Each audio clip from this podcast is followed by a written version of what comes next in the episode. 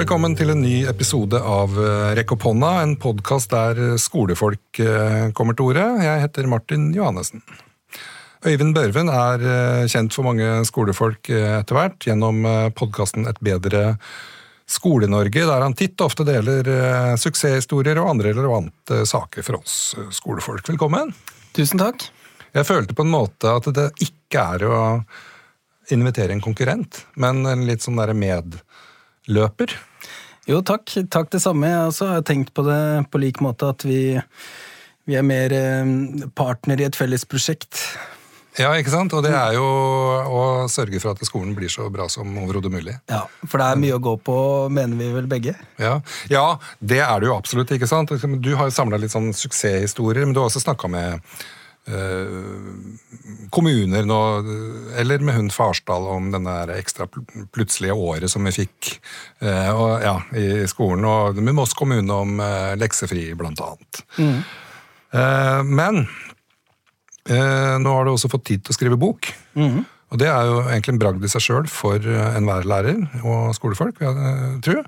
Den heter i hvert fall 'Hvordan skape en god skole preget av mestring, fellesskap og relevans'. Det er det vi skal snakke om uh, denne episoden, og få greie på hvordan vi kan skape en sånn skole som er relevant for alle. Men først må vi bli litt bedre kjent med deg og Øyvind. Mm. Hvem er du? Uh, jeg er en 39-årig mann som bor i Fredrikstad. Kommer egentlig fra Stavern i Vestfold.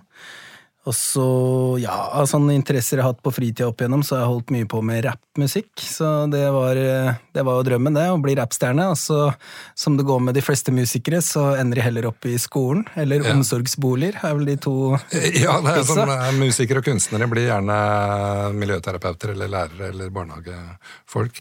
Men altså, du, men hvorfor begynte du som lærer? Var det bare fordi at rappkarrieren ikke tok av? Eller? Det var jo en backup-plan, for å være helt ærlig. Men eh, så så var det vel det at jeg hadde en lærer på ungdomsskolen som, eh, ja, som het Jørgen. Jeg nøyer meg med fornavnet, men eh, han var utrolig dreven og flink og veldig god på det relasjonelle. Så det var vel der jeg ble inspirert, da. Han eh, coacha oss litt om andre ting enn bare faglige ting. Litt sånn ja, ting om livet, da, hvis jeg skal si det litt stort. Så life skills. Det, ja, life skills, så det syns jeg var veldig inspirerende, og ønska å være en sånn lærer sjøl. Eller folkehelse og livsmestring, som det heter da. Mm. Så, ja. Mm. så, så, han var litt forut sin tid, han da? Ja, det vil jeg si. Så, ja. Men det er bra at uh, det finnes sånne typer lærere. Og jeg må vel si at jeg har egentlig ikke har tenkt mye på det der. Jeg syns jeg hadde noen Altså hun frøkena vår da på barne skolen. Jeg syns hun var flink. Hun var streng, og jeg har kompiser i klassen som syns hun var helt håpløs. liksom. Men jeg har liksom ikke den ene læreren som jeg på en måte kan relatere til, som på en måte betydde noe for meg annet enn i kraft av å gjøre jobben sin. liksom. Mm. Ikke noe sånn ekstra. Nei. Men er, er, er ikke det litt sånn stort på en måte, krav også å stille til uh, en lærer? At du skal være sånn type litt sånn supermenneske? Jo, altså Jeg tror jeg skjønner hva du mener. Altså, det å bidra masse på fritid og redde folk fra en eh, fæl familie og liksom komme inn som en sånn Supermann-figur, eller noe sånt, det er jo det er ekstremt mye å kreve av noen. Altså, folk har jo sine liv ved siden av jobb og alt sånt. Og vi, vi er jo lærere, altså skal lære bort ting, først og fremst. Men eh, ja, rollen går jo ut i veldig mange ulike retninger. Så, ja. Så, ja. Yes, men eh, ok, Du begynte som lærer og har fortsatt jo det noen år, men nå er, nå er du rektor? Det er helt riktig. Ja. Hvorfor i all verden vil du bli rektor? Nei, Det var jo ikke en klar ambisjon. Det var vel mer sånn at jeg mm, Først så var jeg lærer, og så, som de fleste lærere, så første året så er det jo veldig hardt å være være lærer, for da må du sette deg inn i alt og lage opplegg og sånn. Andre året går det litt bedre, og tredje året da har du stort sett eh, bare gullkorna. Da begynner det å ja, bli ganske bra. Ja. Eh, men så fjerde året, da begynner det ofte å flate ut den, i den progresjonen. Så, sånn var det i hvert fall for meg. Så femte-sjette året, da syns jeg det gikk litt på tomgang, og jeg mm, syns ikke det var så inspirerende. Da fikk jeg mulighet til å gå inn i et eh, vikariat som inspektør, og så mm, i 40% stilling, og så gjorde jeg det. Og da skjønte jeg ikke helt hva en skoleleder egentlig gjorde, så det var eh, ganske lærerikt. Ja, Etter hvert så ble daværende rektor sjukmeldt i to uker, eh, trodde jeg. Men det ble et halvt år. Mm. Og jeg trodde jo egentlig ikke at jeg hadde evner og anlegg til å være rektor, fordi det virka så stort og uoverkommelig. Men så gikk det Jeg var kanskje den som var mest overraska over at det gikk ganske bra. Så, Ja, nemlig. Ja. Men det er jo en stor og litt uoverkommelig jobb eh, å være rektor. Det er, sånn, To do-lista er ganske lang. Ja, ja. Det, er, eh, det stopper jo aldri hvis du ikke avgrenser det sjøl. Så det er litt det jeg prøver å få til med den boka her. Å definere hva en rektor som har eh, høy innvirkning på elevene, eh, gjør, da. Ja, nemlig. Det, det er jo, det, Når kommer den boka di ut? forresten? Den kommer, opp, den kommer ut i begynnelsen av desember. Ja, Supert. Hva står det i den? Det er Trenger ikke å ha full opplesning, men sånn Nå skal du høre her. På side én.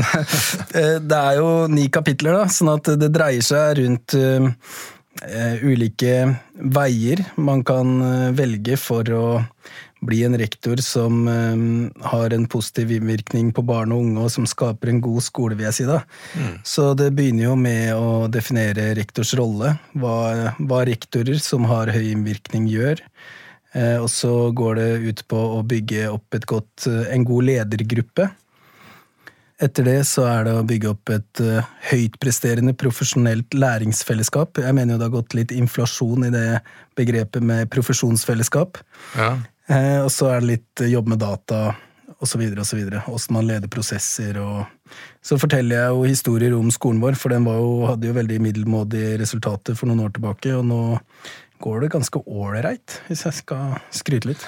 ja, men du, du har jo drevet også samla på suksesshistorier eh, rundt omkring. Har det Regner med du har brukt eh, det i boka òg? Absolutt. Um, Det har jo Jeg vil også si at det har akselerert jeg Klarer aldri å uttale det ordet. Akselerert. Bare si, si det fort. så- Ja, akselerert. Ja. Uh, Utviklinga til skolen vår fordi at uh, altså det som forskninga ofte sier, altså på toppen av den, en sånn pyramide så er jo metaanalyser det som er mest verdt. Det liker jo ofte ikke pedagoger.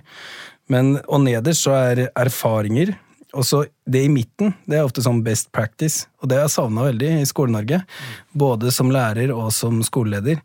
Så det er vel eh, Ja, det er en del bidrag på den måten med den boka her, da. På de gode historiene som jeg samla gjennom podkasten og ellers. Sånn at man ja, sånn jeg, sånn jeg stort sett har bygd opp boka, er at jeg støter på et problem som rektor, og så søker jeg til forskning.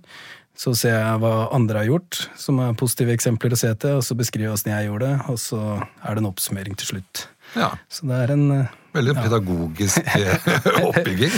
ja, altså De fleste som har lest den, har sagt sånn eh, Jeg leste fortere enn jeg hadde trodd, eller et eller annet sånt. Det var en bok jeg leste som var så godt skrevet. Jeg leste den så fort at jeg måtte lese den en gang til. For å liksom få med hva som egentlig sto der. Det var liksom så drivende godt språk. Men um, jeg tenker på Litt sånn stort spørsmål, men det har vi jo tid til nå. Men ikke sant, ha, har vi, altså skolefolk og Skole-Norge, høye nok ambisjoner for å få det til? For å få en skikkelig god skole? Eh, Jeg tror ikke det. Jeg tror jo at vi har altfor lave ambisjoner. Jeg tror, vi, jeg tror vi setter bort mye av ambisjonsarbeidet, hvis jeg kan si det sånn, til politikere. Men det som er problemet, det er at de når bare et visst eh, stykke inn i skolen. Eh, Der er ikke tanker tatt ut av lufta. Det her er basert på en fyr som heter Grubb, som er en utdanningsøkonom som eh, ja, altså, Ofte tenker vi at hvis vi tilbyr 20% ekstra timer, så blir eh, læringsresultatene 20 bedre, kanskje. Et eller annet sånt. Men det er ikke sånn mekanismene funker. Sånn at hvis man forestiller seg skolen som en fireetasjes eh, bygning, så er det akkurat som politikerne. Hvis politikerne da står over den bygningen på en eller annen måte, så er det akkurat som de bare når inn til loftet. Og så må skolerektor når heller ikke helt ned på gulvet alltid, men den som ofte når eh, både oppover og nedover, det er avdelingslederen eller lærere som er uformelle ledere eller sånt. da. Altså Uformelle ledere, er det liksom sånn populære lærere?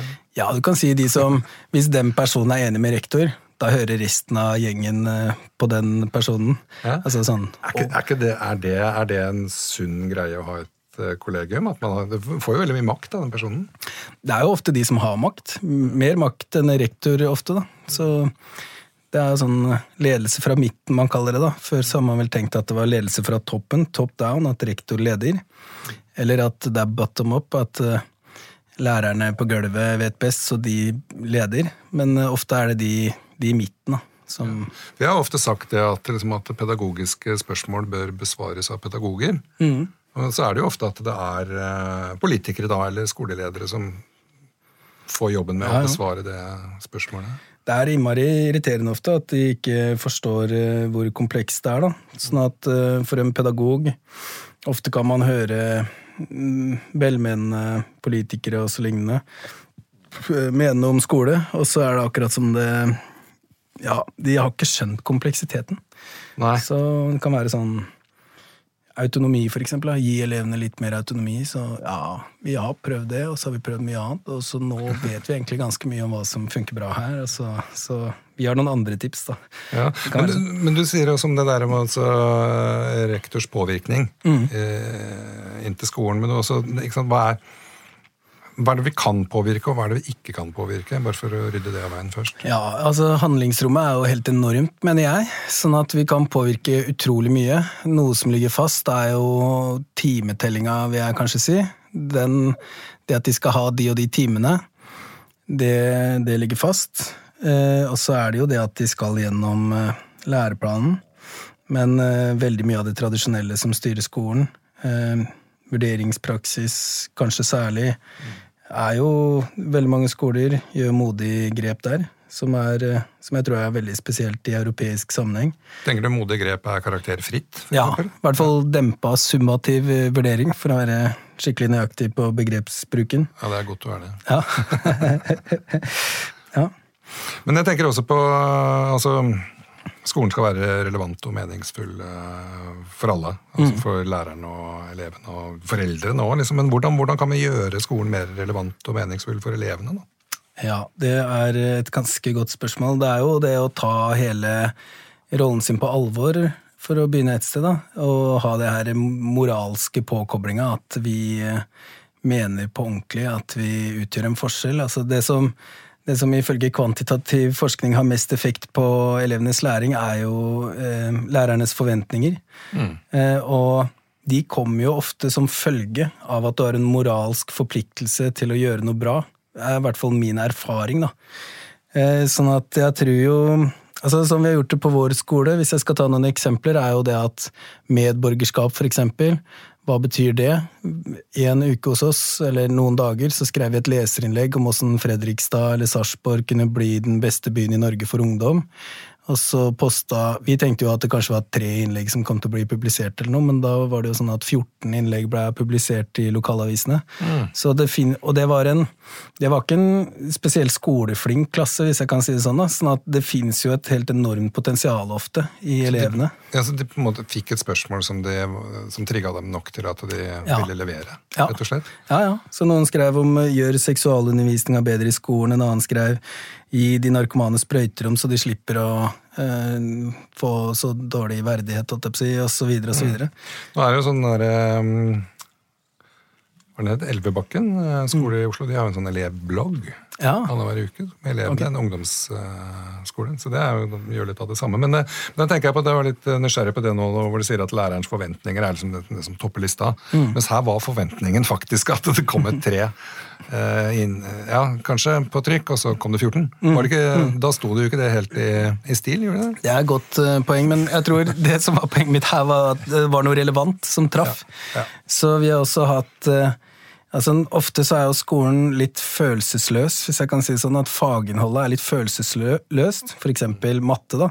Hvis de skal regne personlig økonomi i matte, så kan det fort bli sånn eh, Per har eh, ja, et eller annet 100 kroner i ukepenger. 100 kroner i ukepenger, bla, bla, Og vi går på kino. Dette Ja. koster 110. Hva må Per gjøre? Ja, ikke sant? Men vi, vi testa en Vi lagde en sånn litt komplisert historie om en fyr som het Frank, da, som hadde rota det skikkelig til, og luksusfelle neste, på en måte, og vi ga de bare en skoeske med masse kvitteringer og kontoutskrifter og sa hva burde han gjøre, og når dere skal fortelle det, så må dere gjøre det på en måte som gjør at han tåler å høre det, for han han er litt sånn var for kritikk.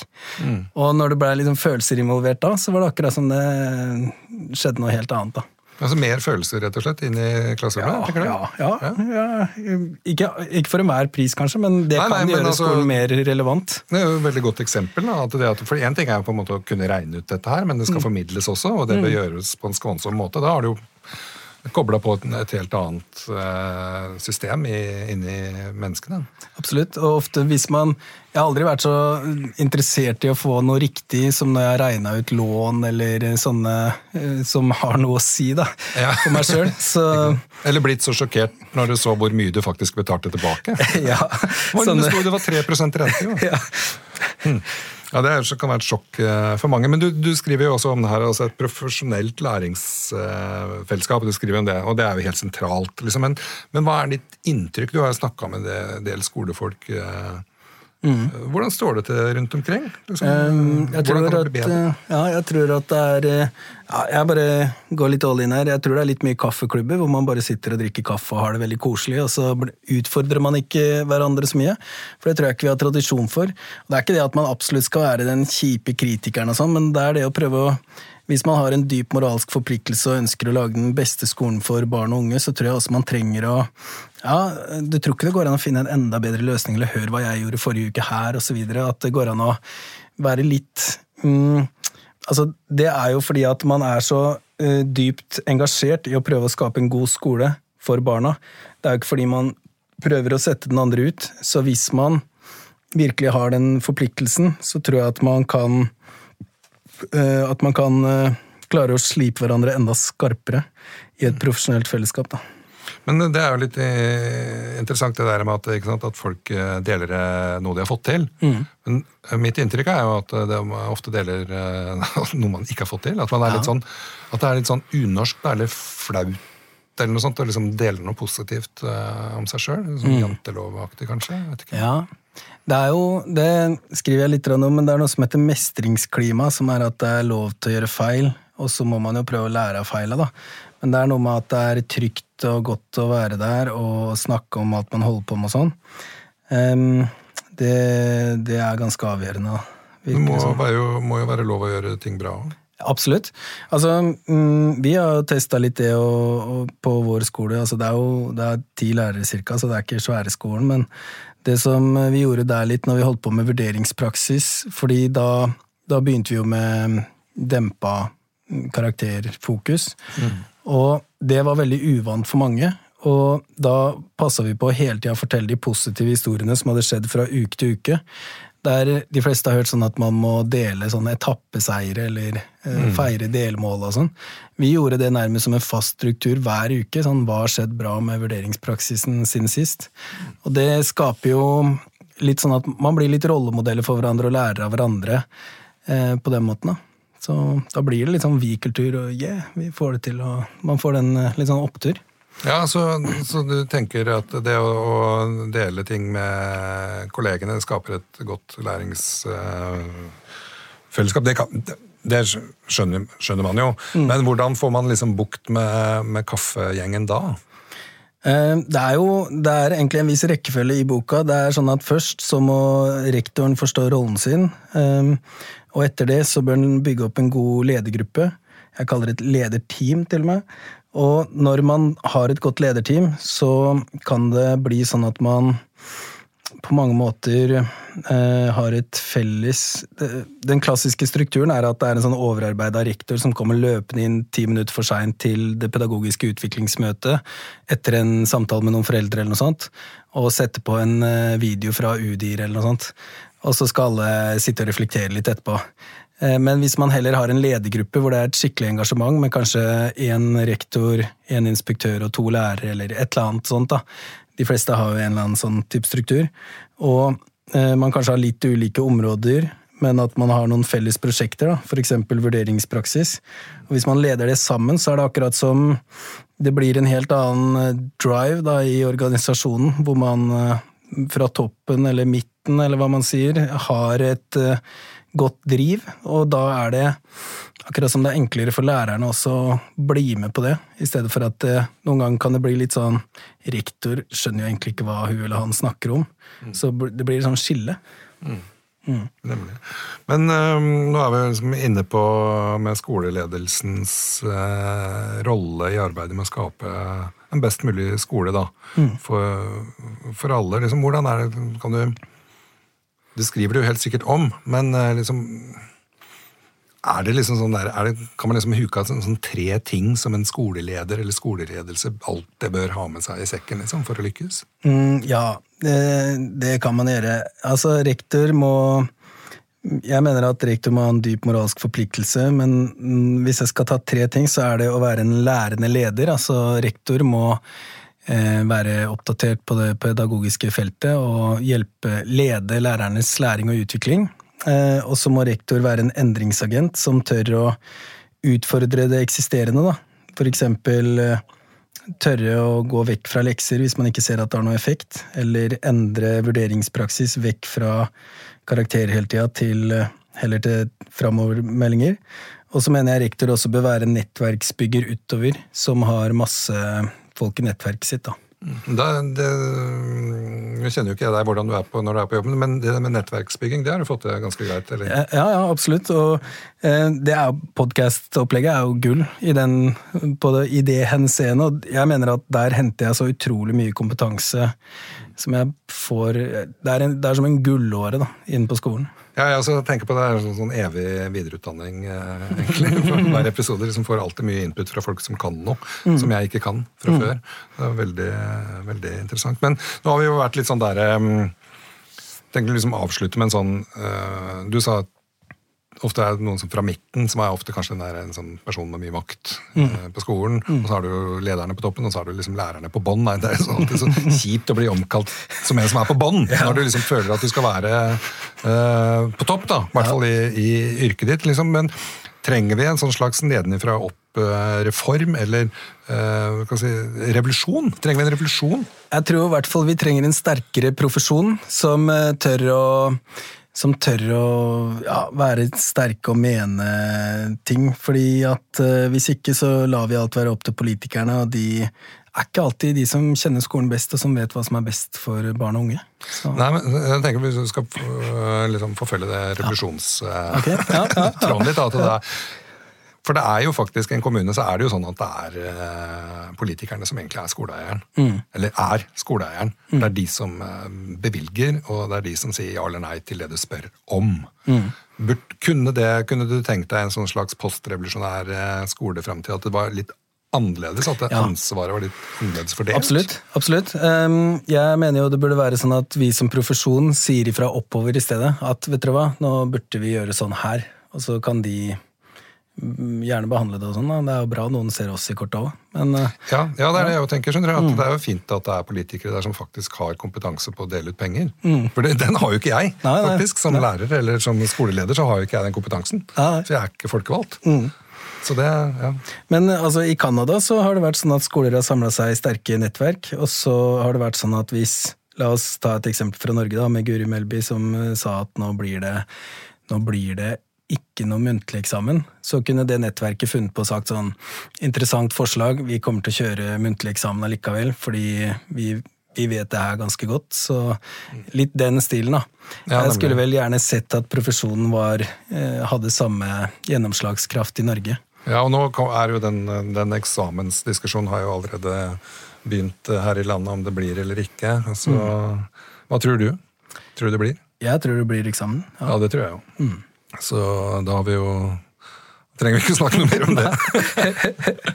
yes, Men um, Øyvind, vi må, vi må avslutte. Men mm. tusen takk. Eh, både for podkast og bok. Mm. Nå har jeg ikke lest den ennå, men jeg gleder meg til å, å få gjort det. Kanskje, mm. kanskje, jeg får noen gode tips òg? Kanskje. Kanskje, kanskje mm. ikke. Ja. Jo da. Jeg, jeg tror det, men uh, kommer an på hva du er ute etter. da. Ja, nei, jeg er egentlig det jeg er ute etter når jeg driver og leser, eller om det er en bok, eller om det er en artikkel, eller en forskningsoppsummering, er jo at det, noe At det tilfører meg noen tanker eller ideer jeg ikke hadde fra før. Mm. Som jeg liksom kan legge sammen med de tankene og ideene og den kunnskapen jeg har fra før. Og så kan det på en måte ligge og, og bake litt. Mm. Og kanskje bli til et nytt prosjekt eller en ny idé eller et nytt forslag der. som jeg, mm. samler, jeg samler ofte på formuleringer. Mm. Så det Jeg tror du finner noe, men jeg skal ikke garantere noe. Men altså, dyp moralsk forpliktelse er jo et begrep som du har brukt nå, som du mener rektorene bør ha. Ja. Er det, men har de, er i eh, rektorutdanninga, er det et fag? Nei, Nei? absolutt ikke. Så det er personlig egnethet? Ja, det er vel det. ja. Ja. Nemlig. Ok, men uh, jeg syns det er tipp topp for forslag. Jeg syns også at lærere bør ha en dyp moralsk forpliktelse til det de holder på med. Sykepleiere og leger og Ja, de, politifolk og de har jo en ed de sverger ved. For meg hadde det vært fint i skolen òg. Sånn, lover du å ta vare på de her barna etter beste evne og gjøre alt som er i din makt? Et eller annet sånt. Interessant, for legene gjør jo Hippokrates-eden. Mm. hvilken eh, liksom, person skulle den pedagogiske eden være knytta til? tenker du? Har du noen Det må jo være alle fremtidige elever. Eller? Misforstår jeg? Ja, nei, for En hippokratisk ed er jo på en måte legeeden. Ja. Ikke sant? Og den, Det er jo hippokratisk som legevitenskapens far og bla, bla, bla, langt tilbake. Ja, sånn, ja. er den liksom en sånn filosof eller en tenker eller et eller annet menneskelig vesen som man Eh, skulle oppkalt denne eden? Ja, ja, sånn, ja. Eh, um, Men jeg hva med han Hartvig Nissen? Var ikke han en ganske pioner i norsk sammenheng? jo. Men Hartvig Nissen-eden høres Nei, det ikke så Jeg likte egentlig bedre den der med alle nåværende og fremtidige elever. Ja, jeg tenkte ja. mer Gå bort fra dette her gamle vende oss mot det nye. Nemlig. Yes, men uh, tusen takk eh, for besøk uh, uansett. Og takk for at du hørte på Rekk opp hånda. Husk å være snill mot kollegaene dine, for da blir dagen så mye bedre. Vi høres.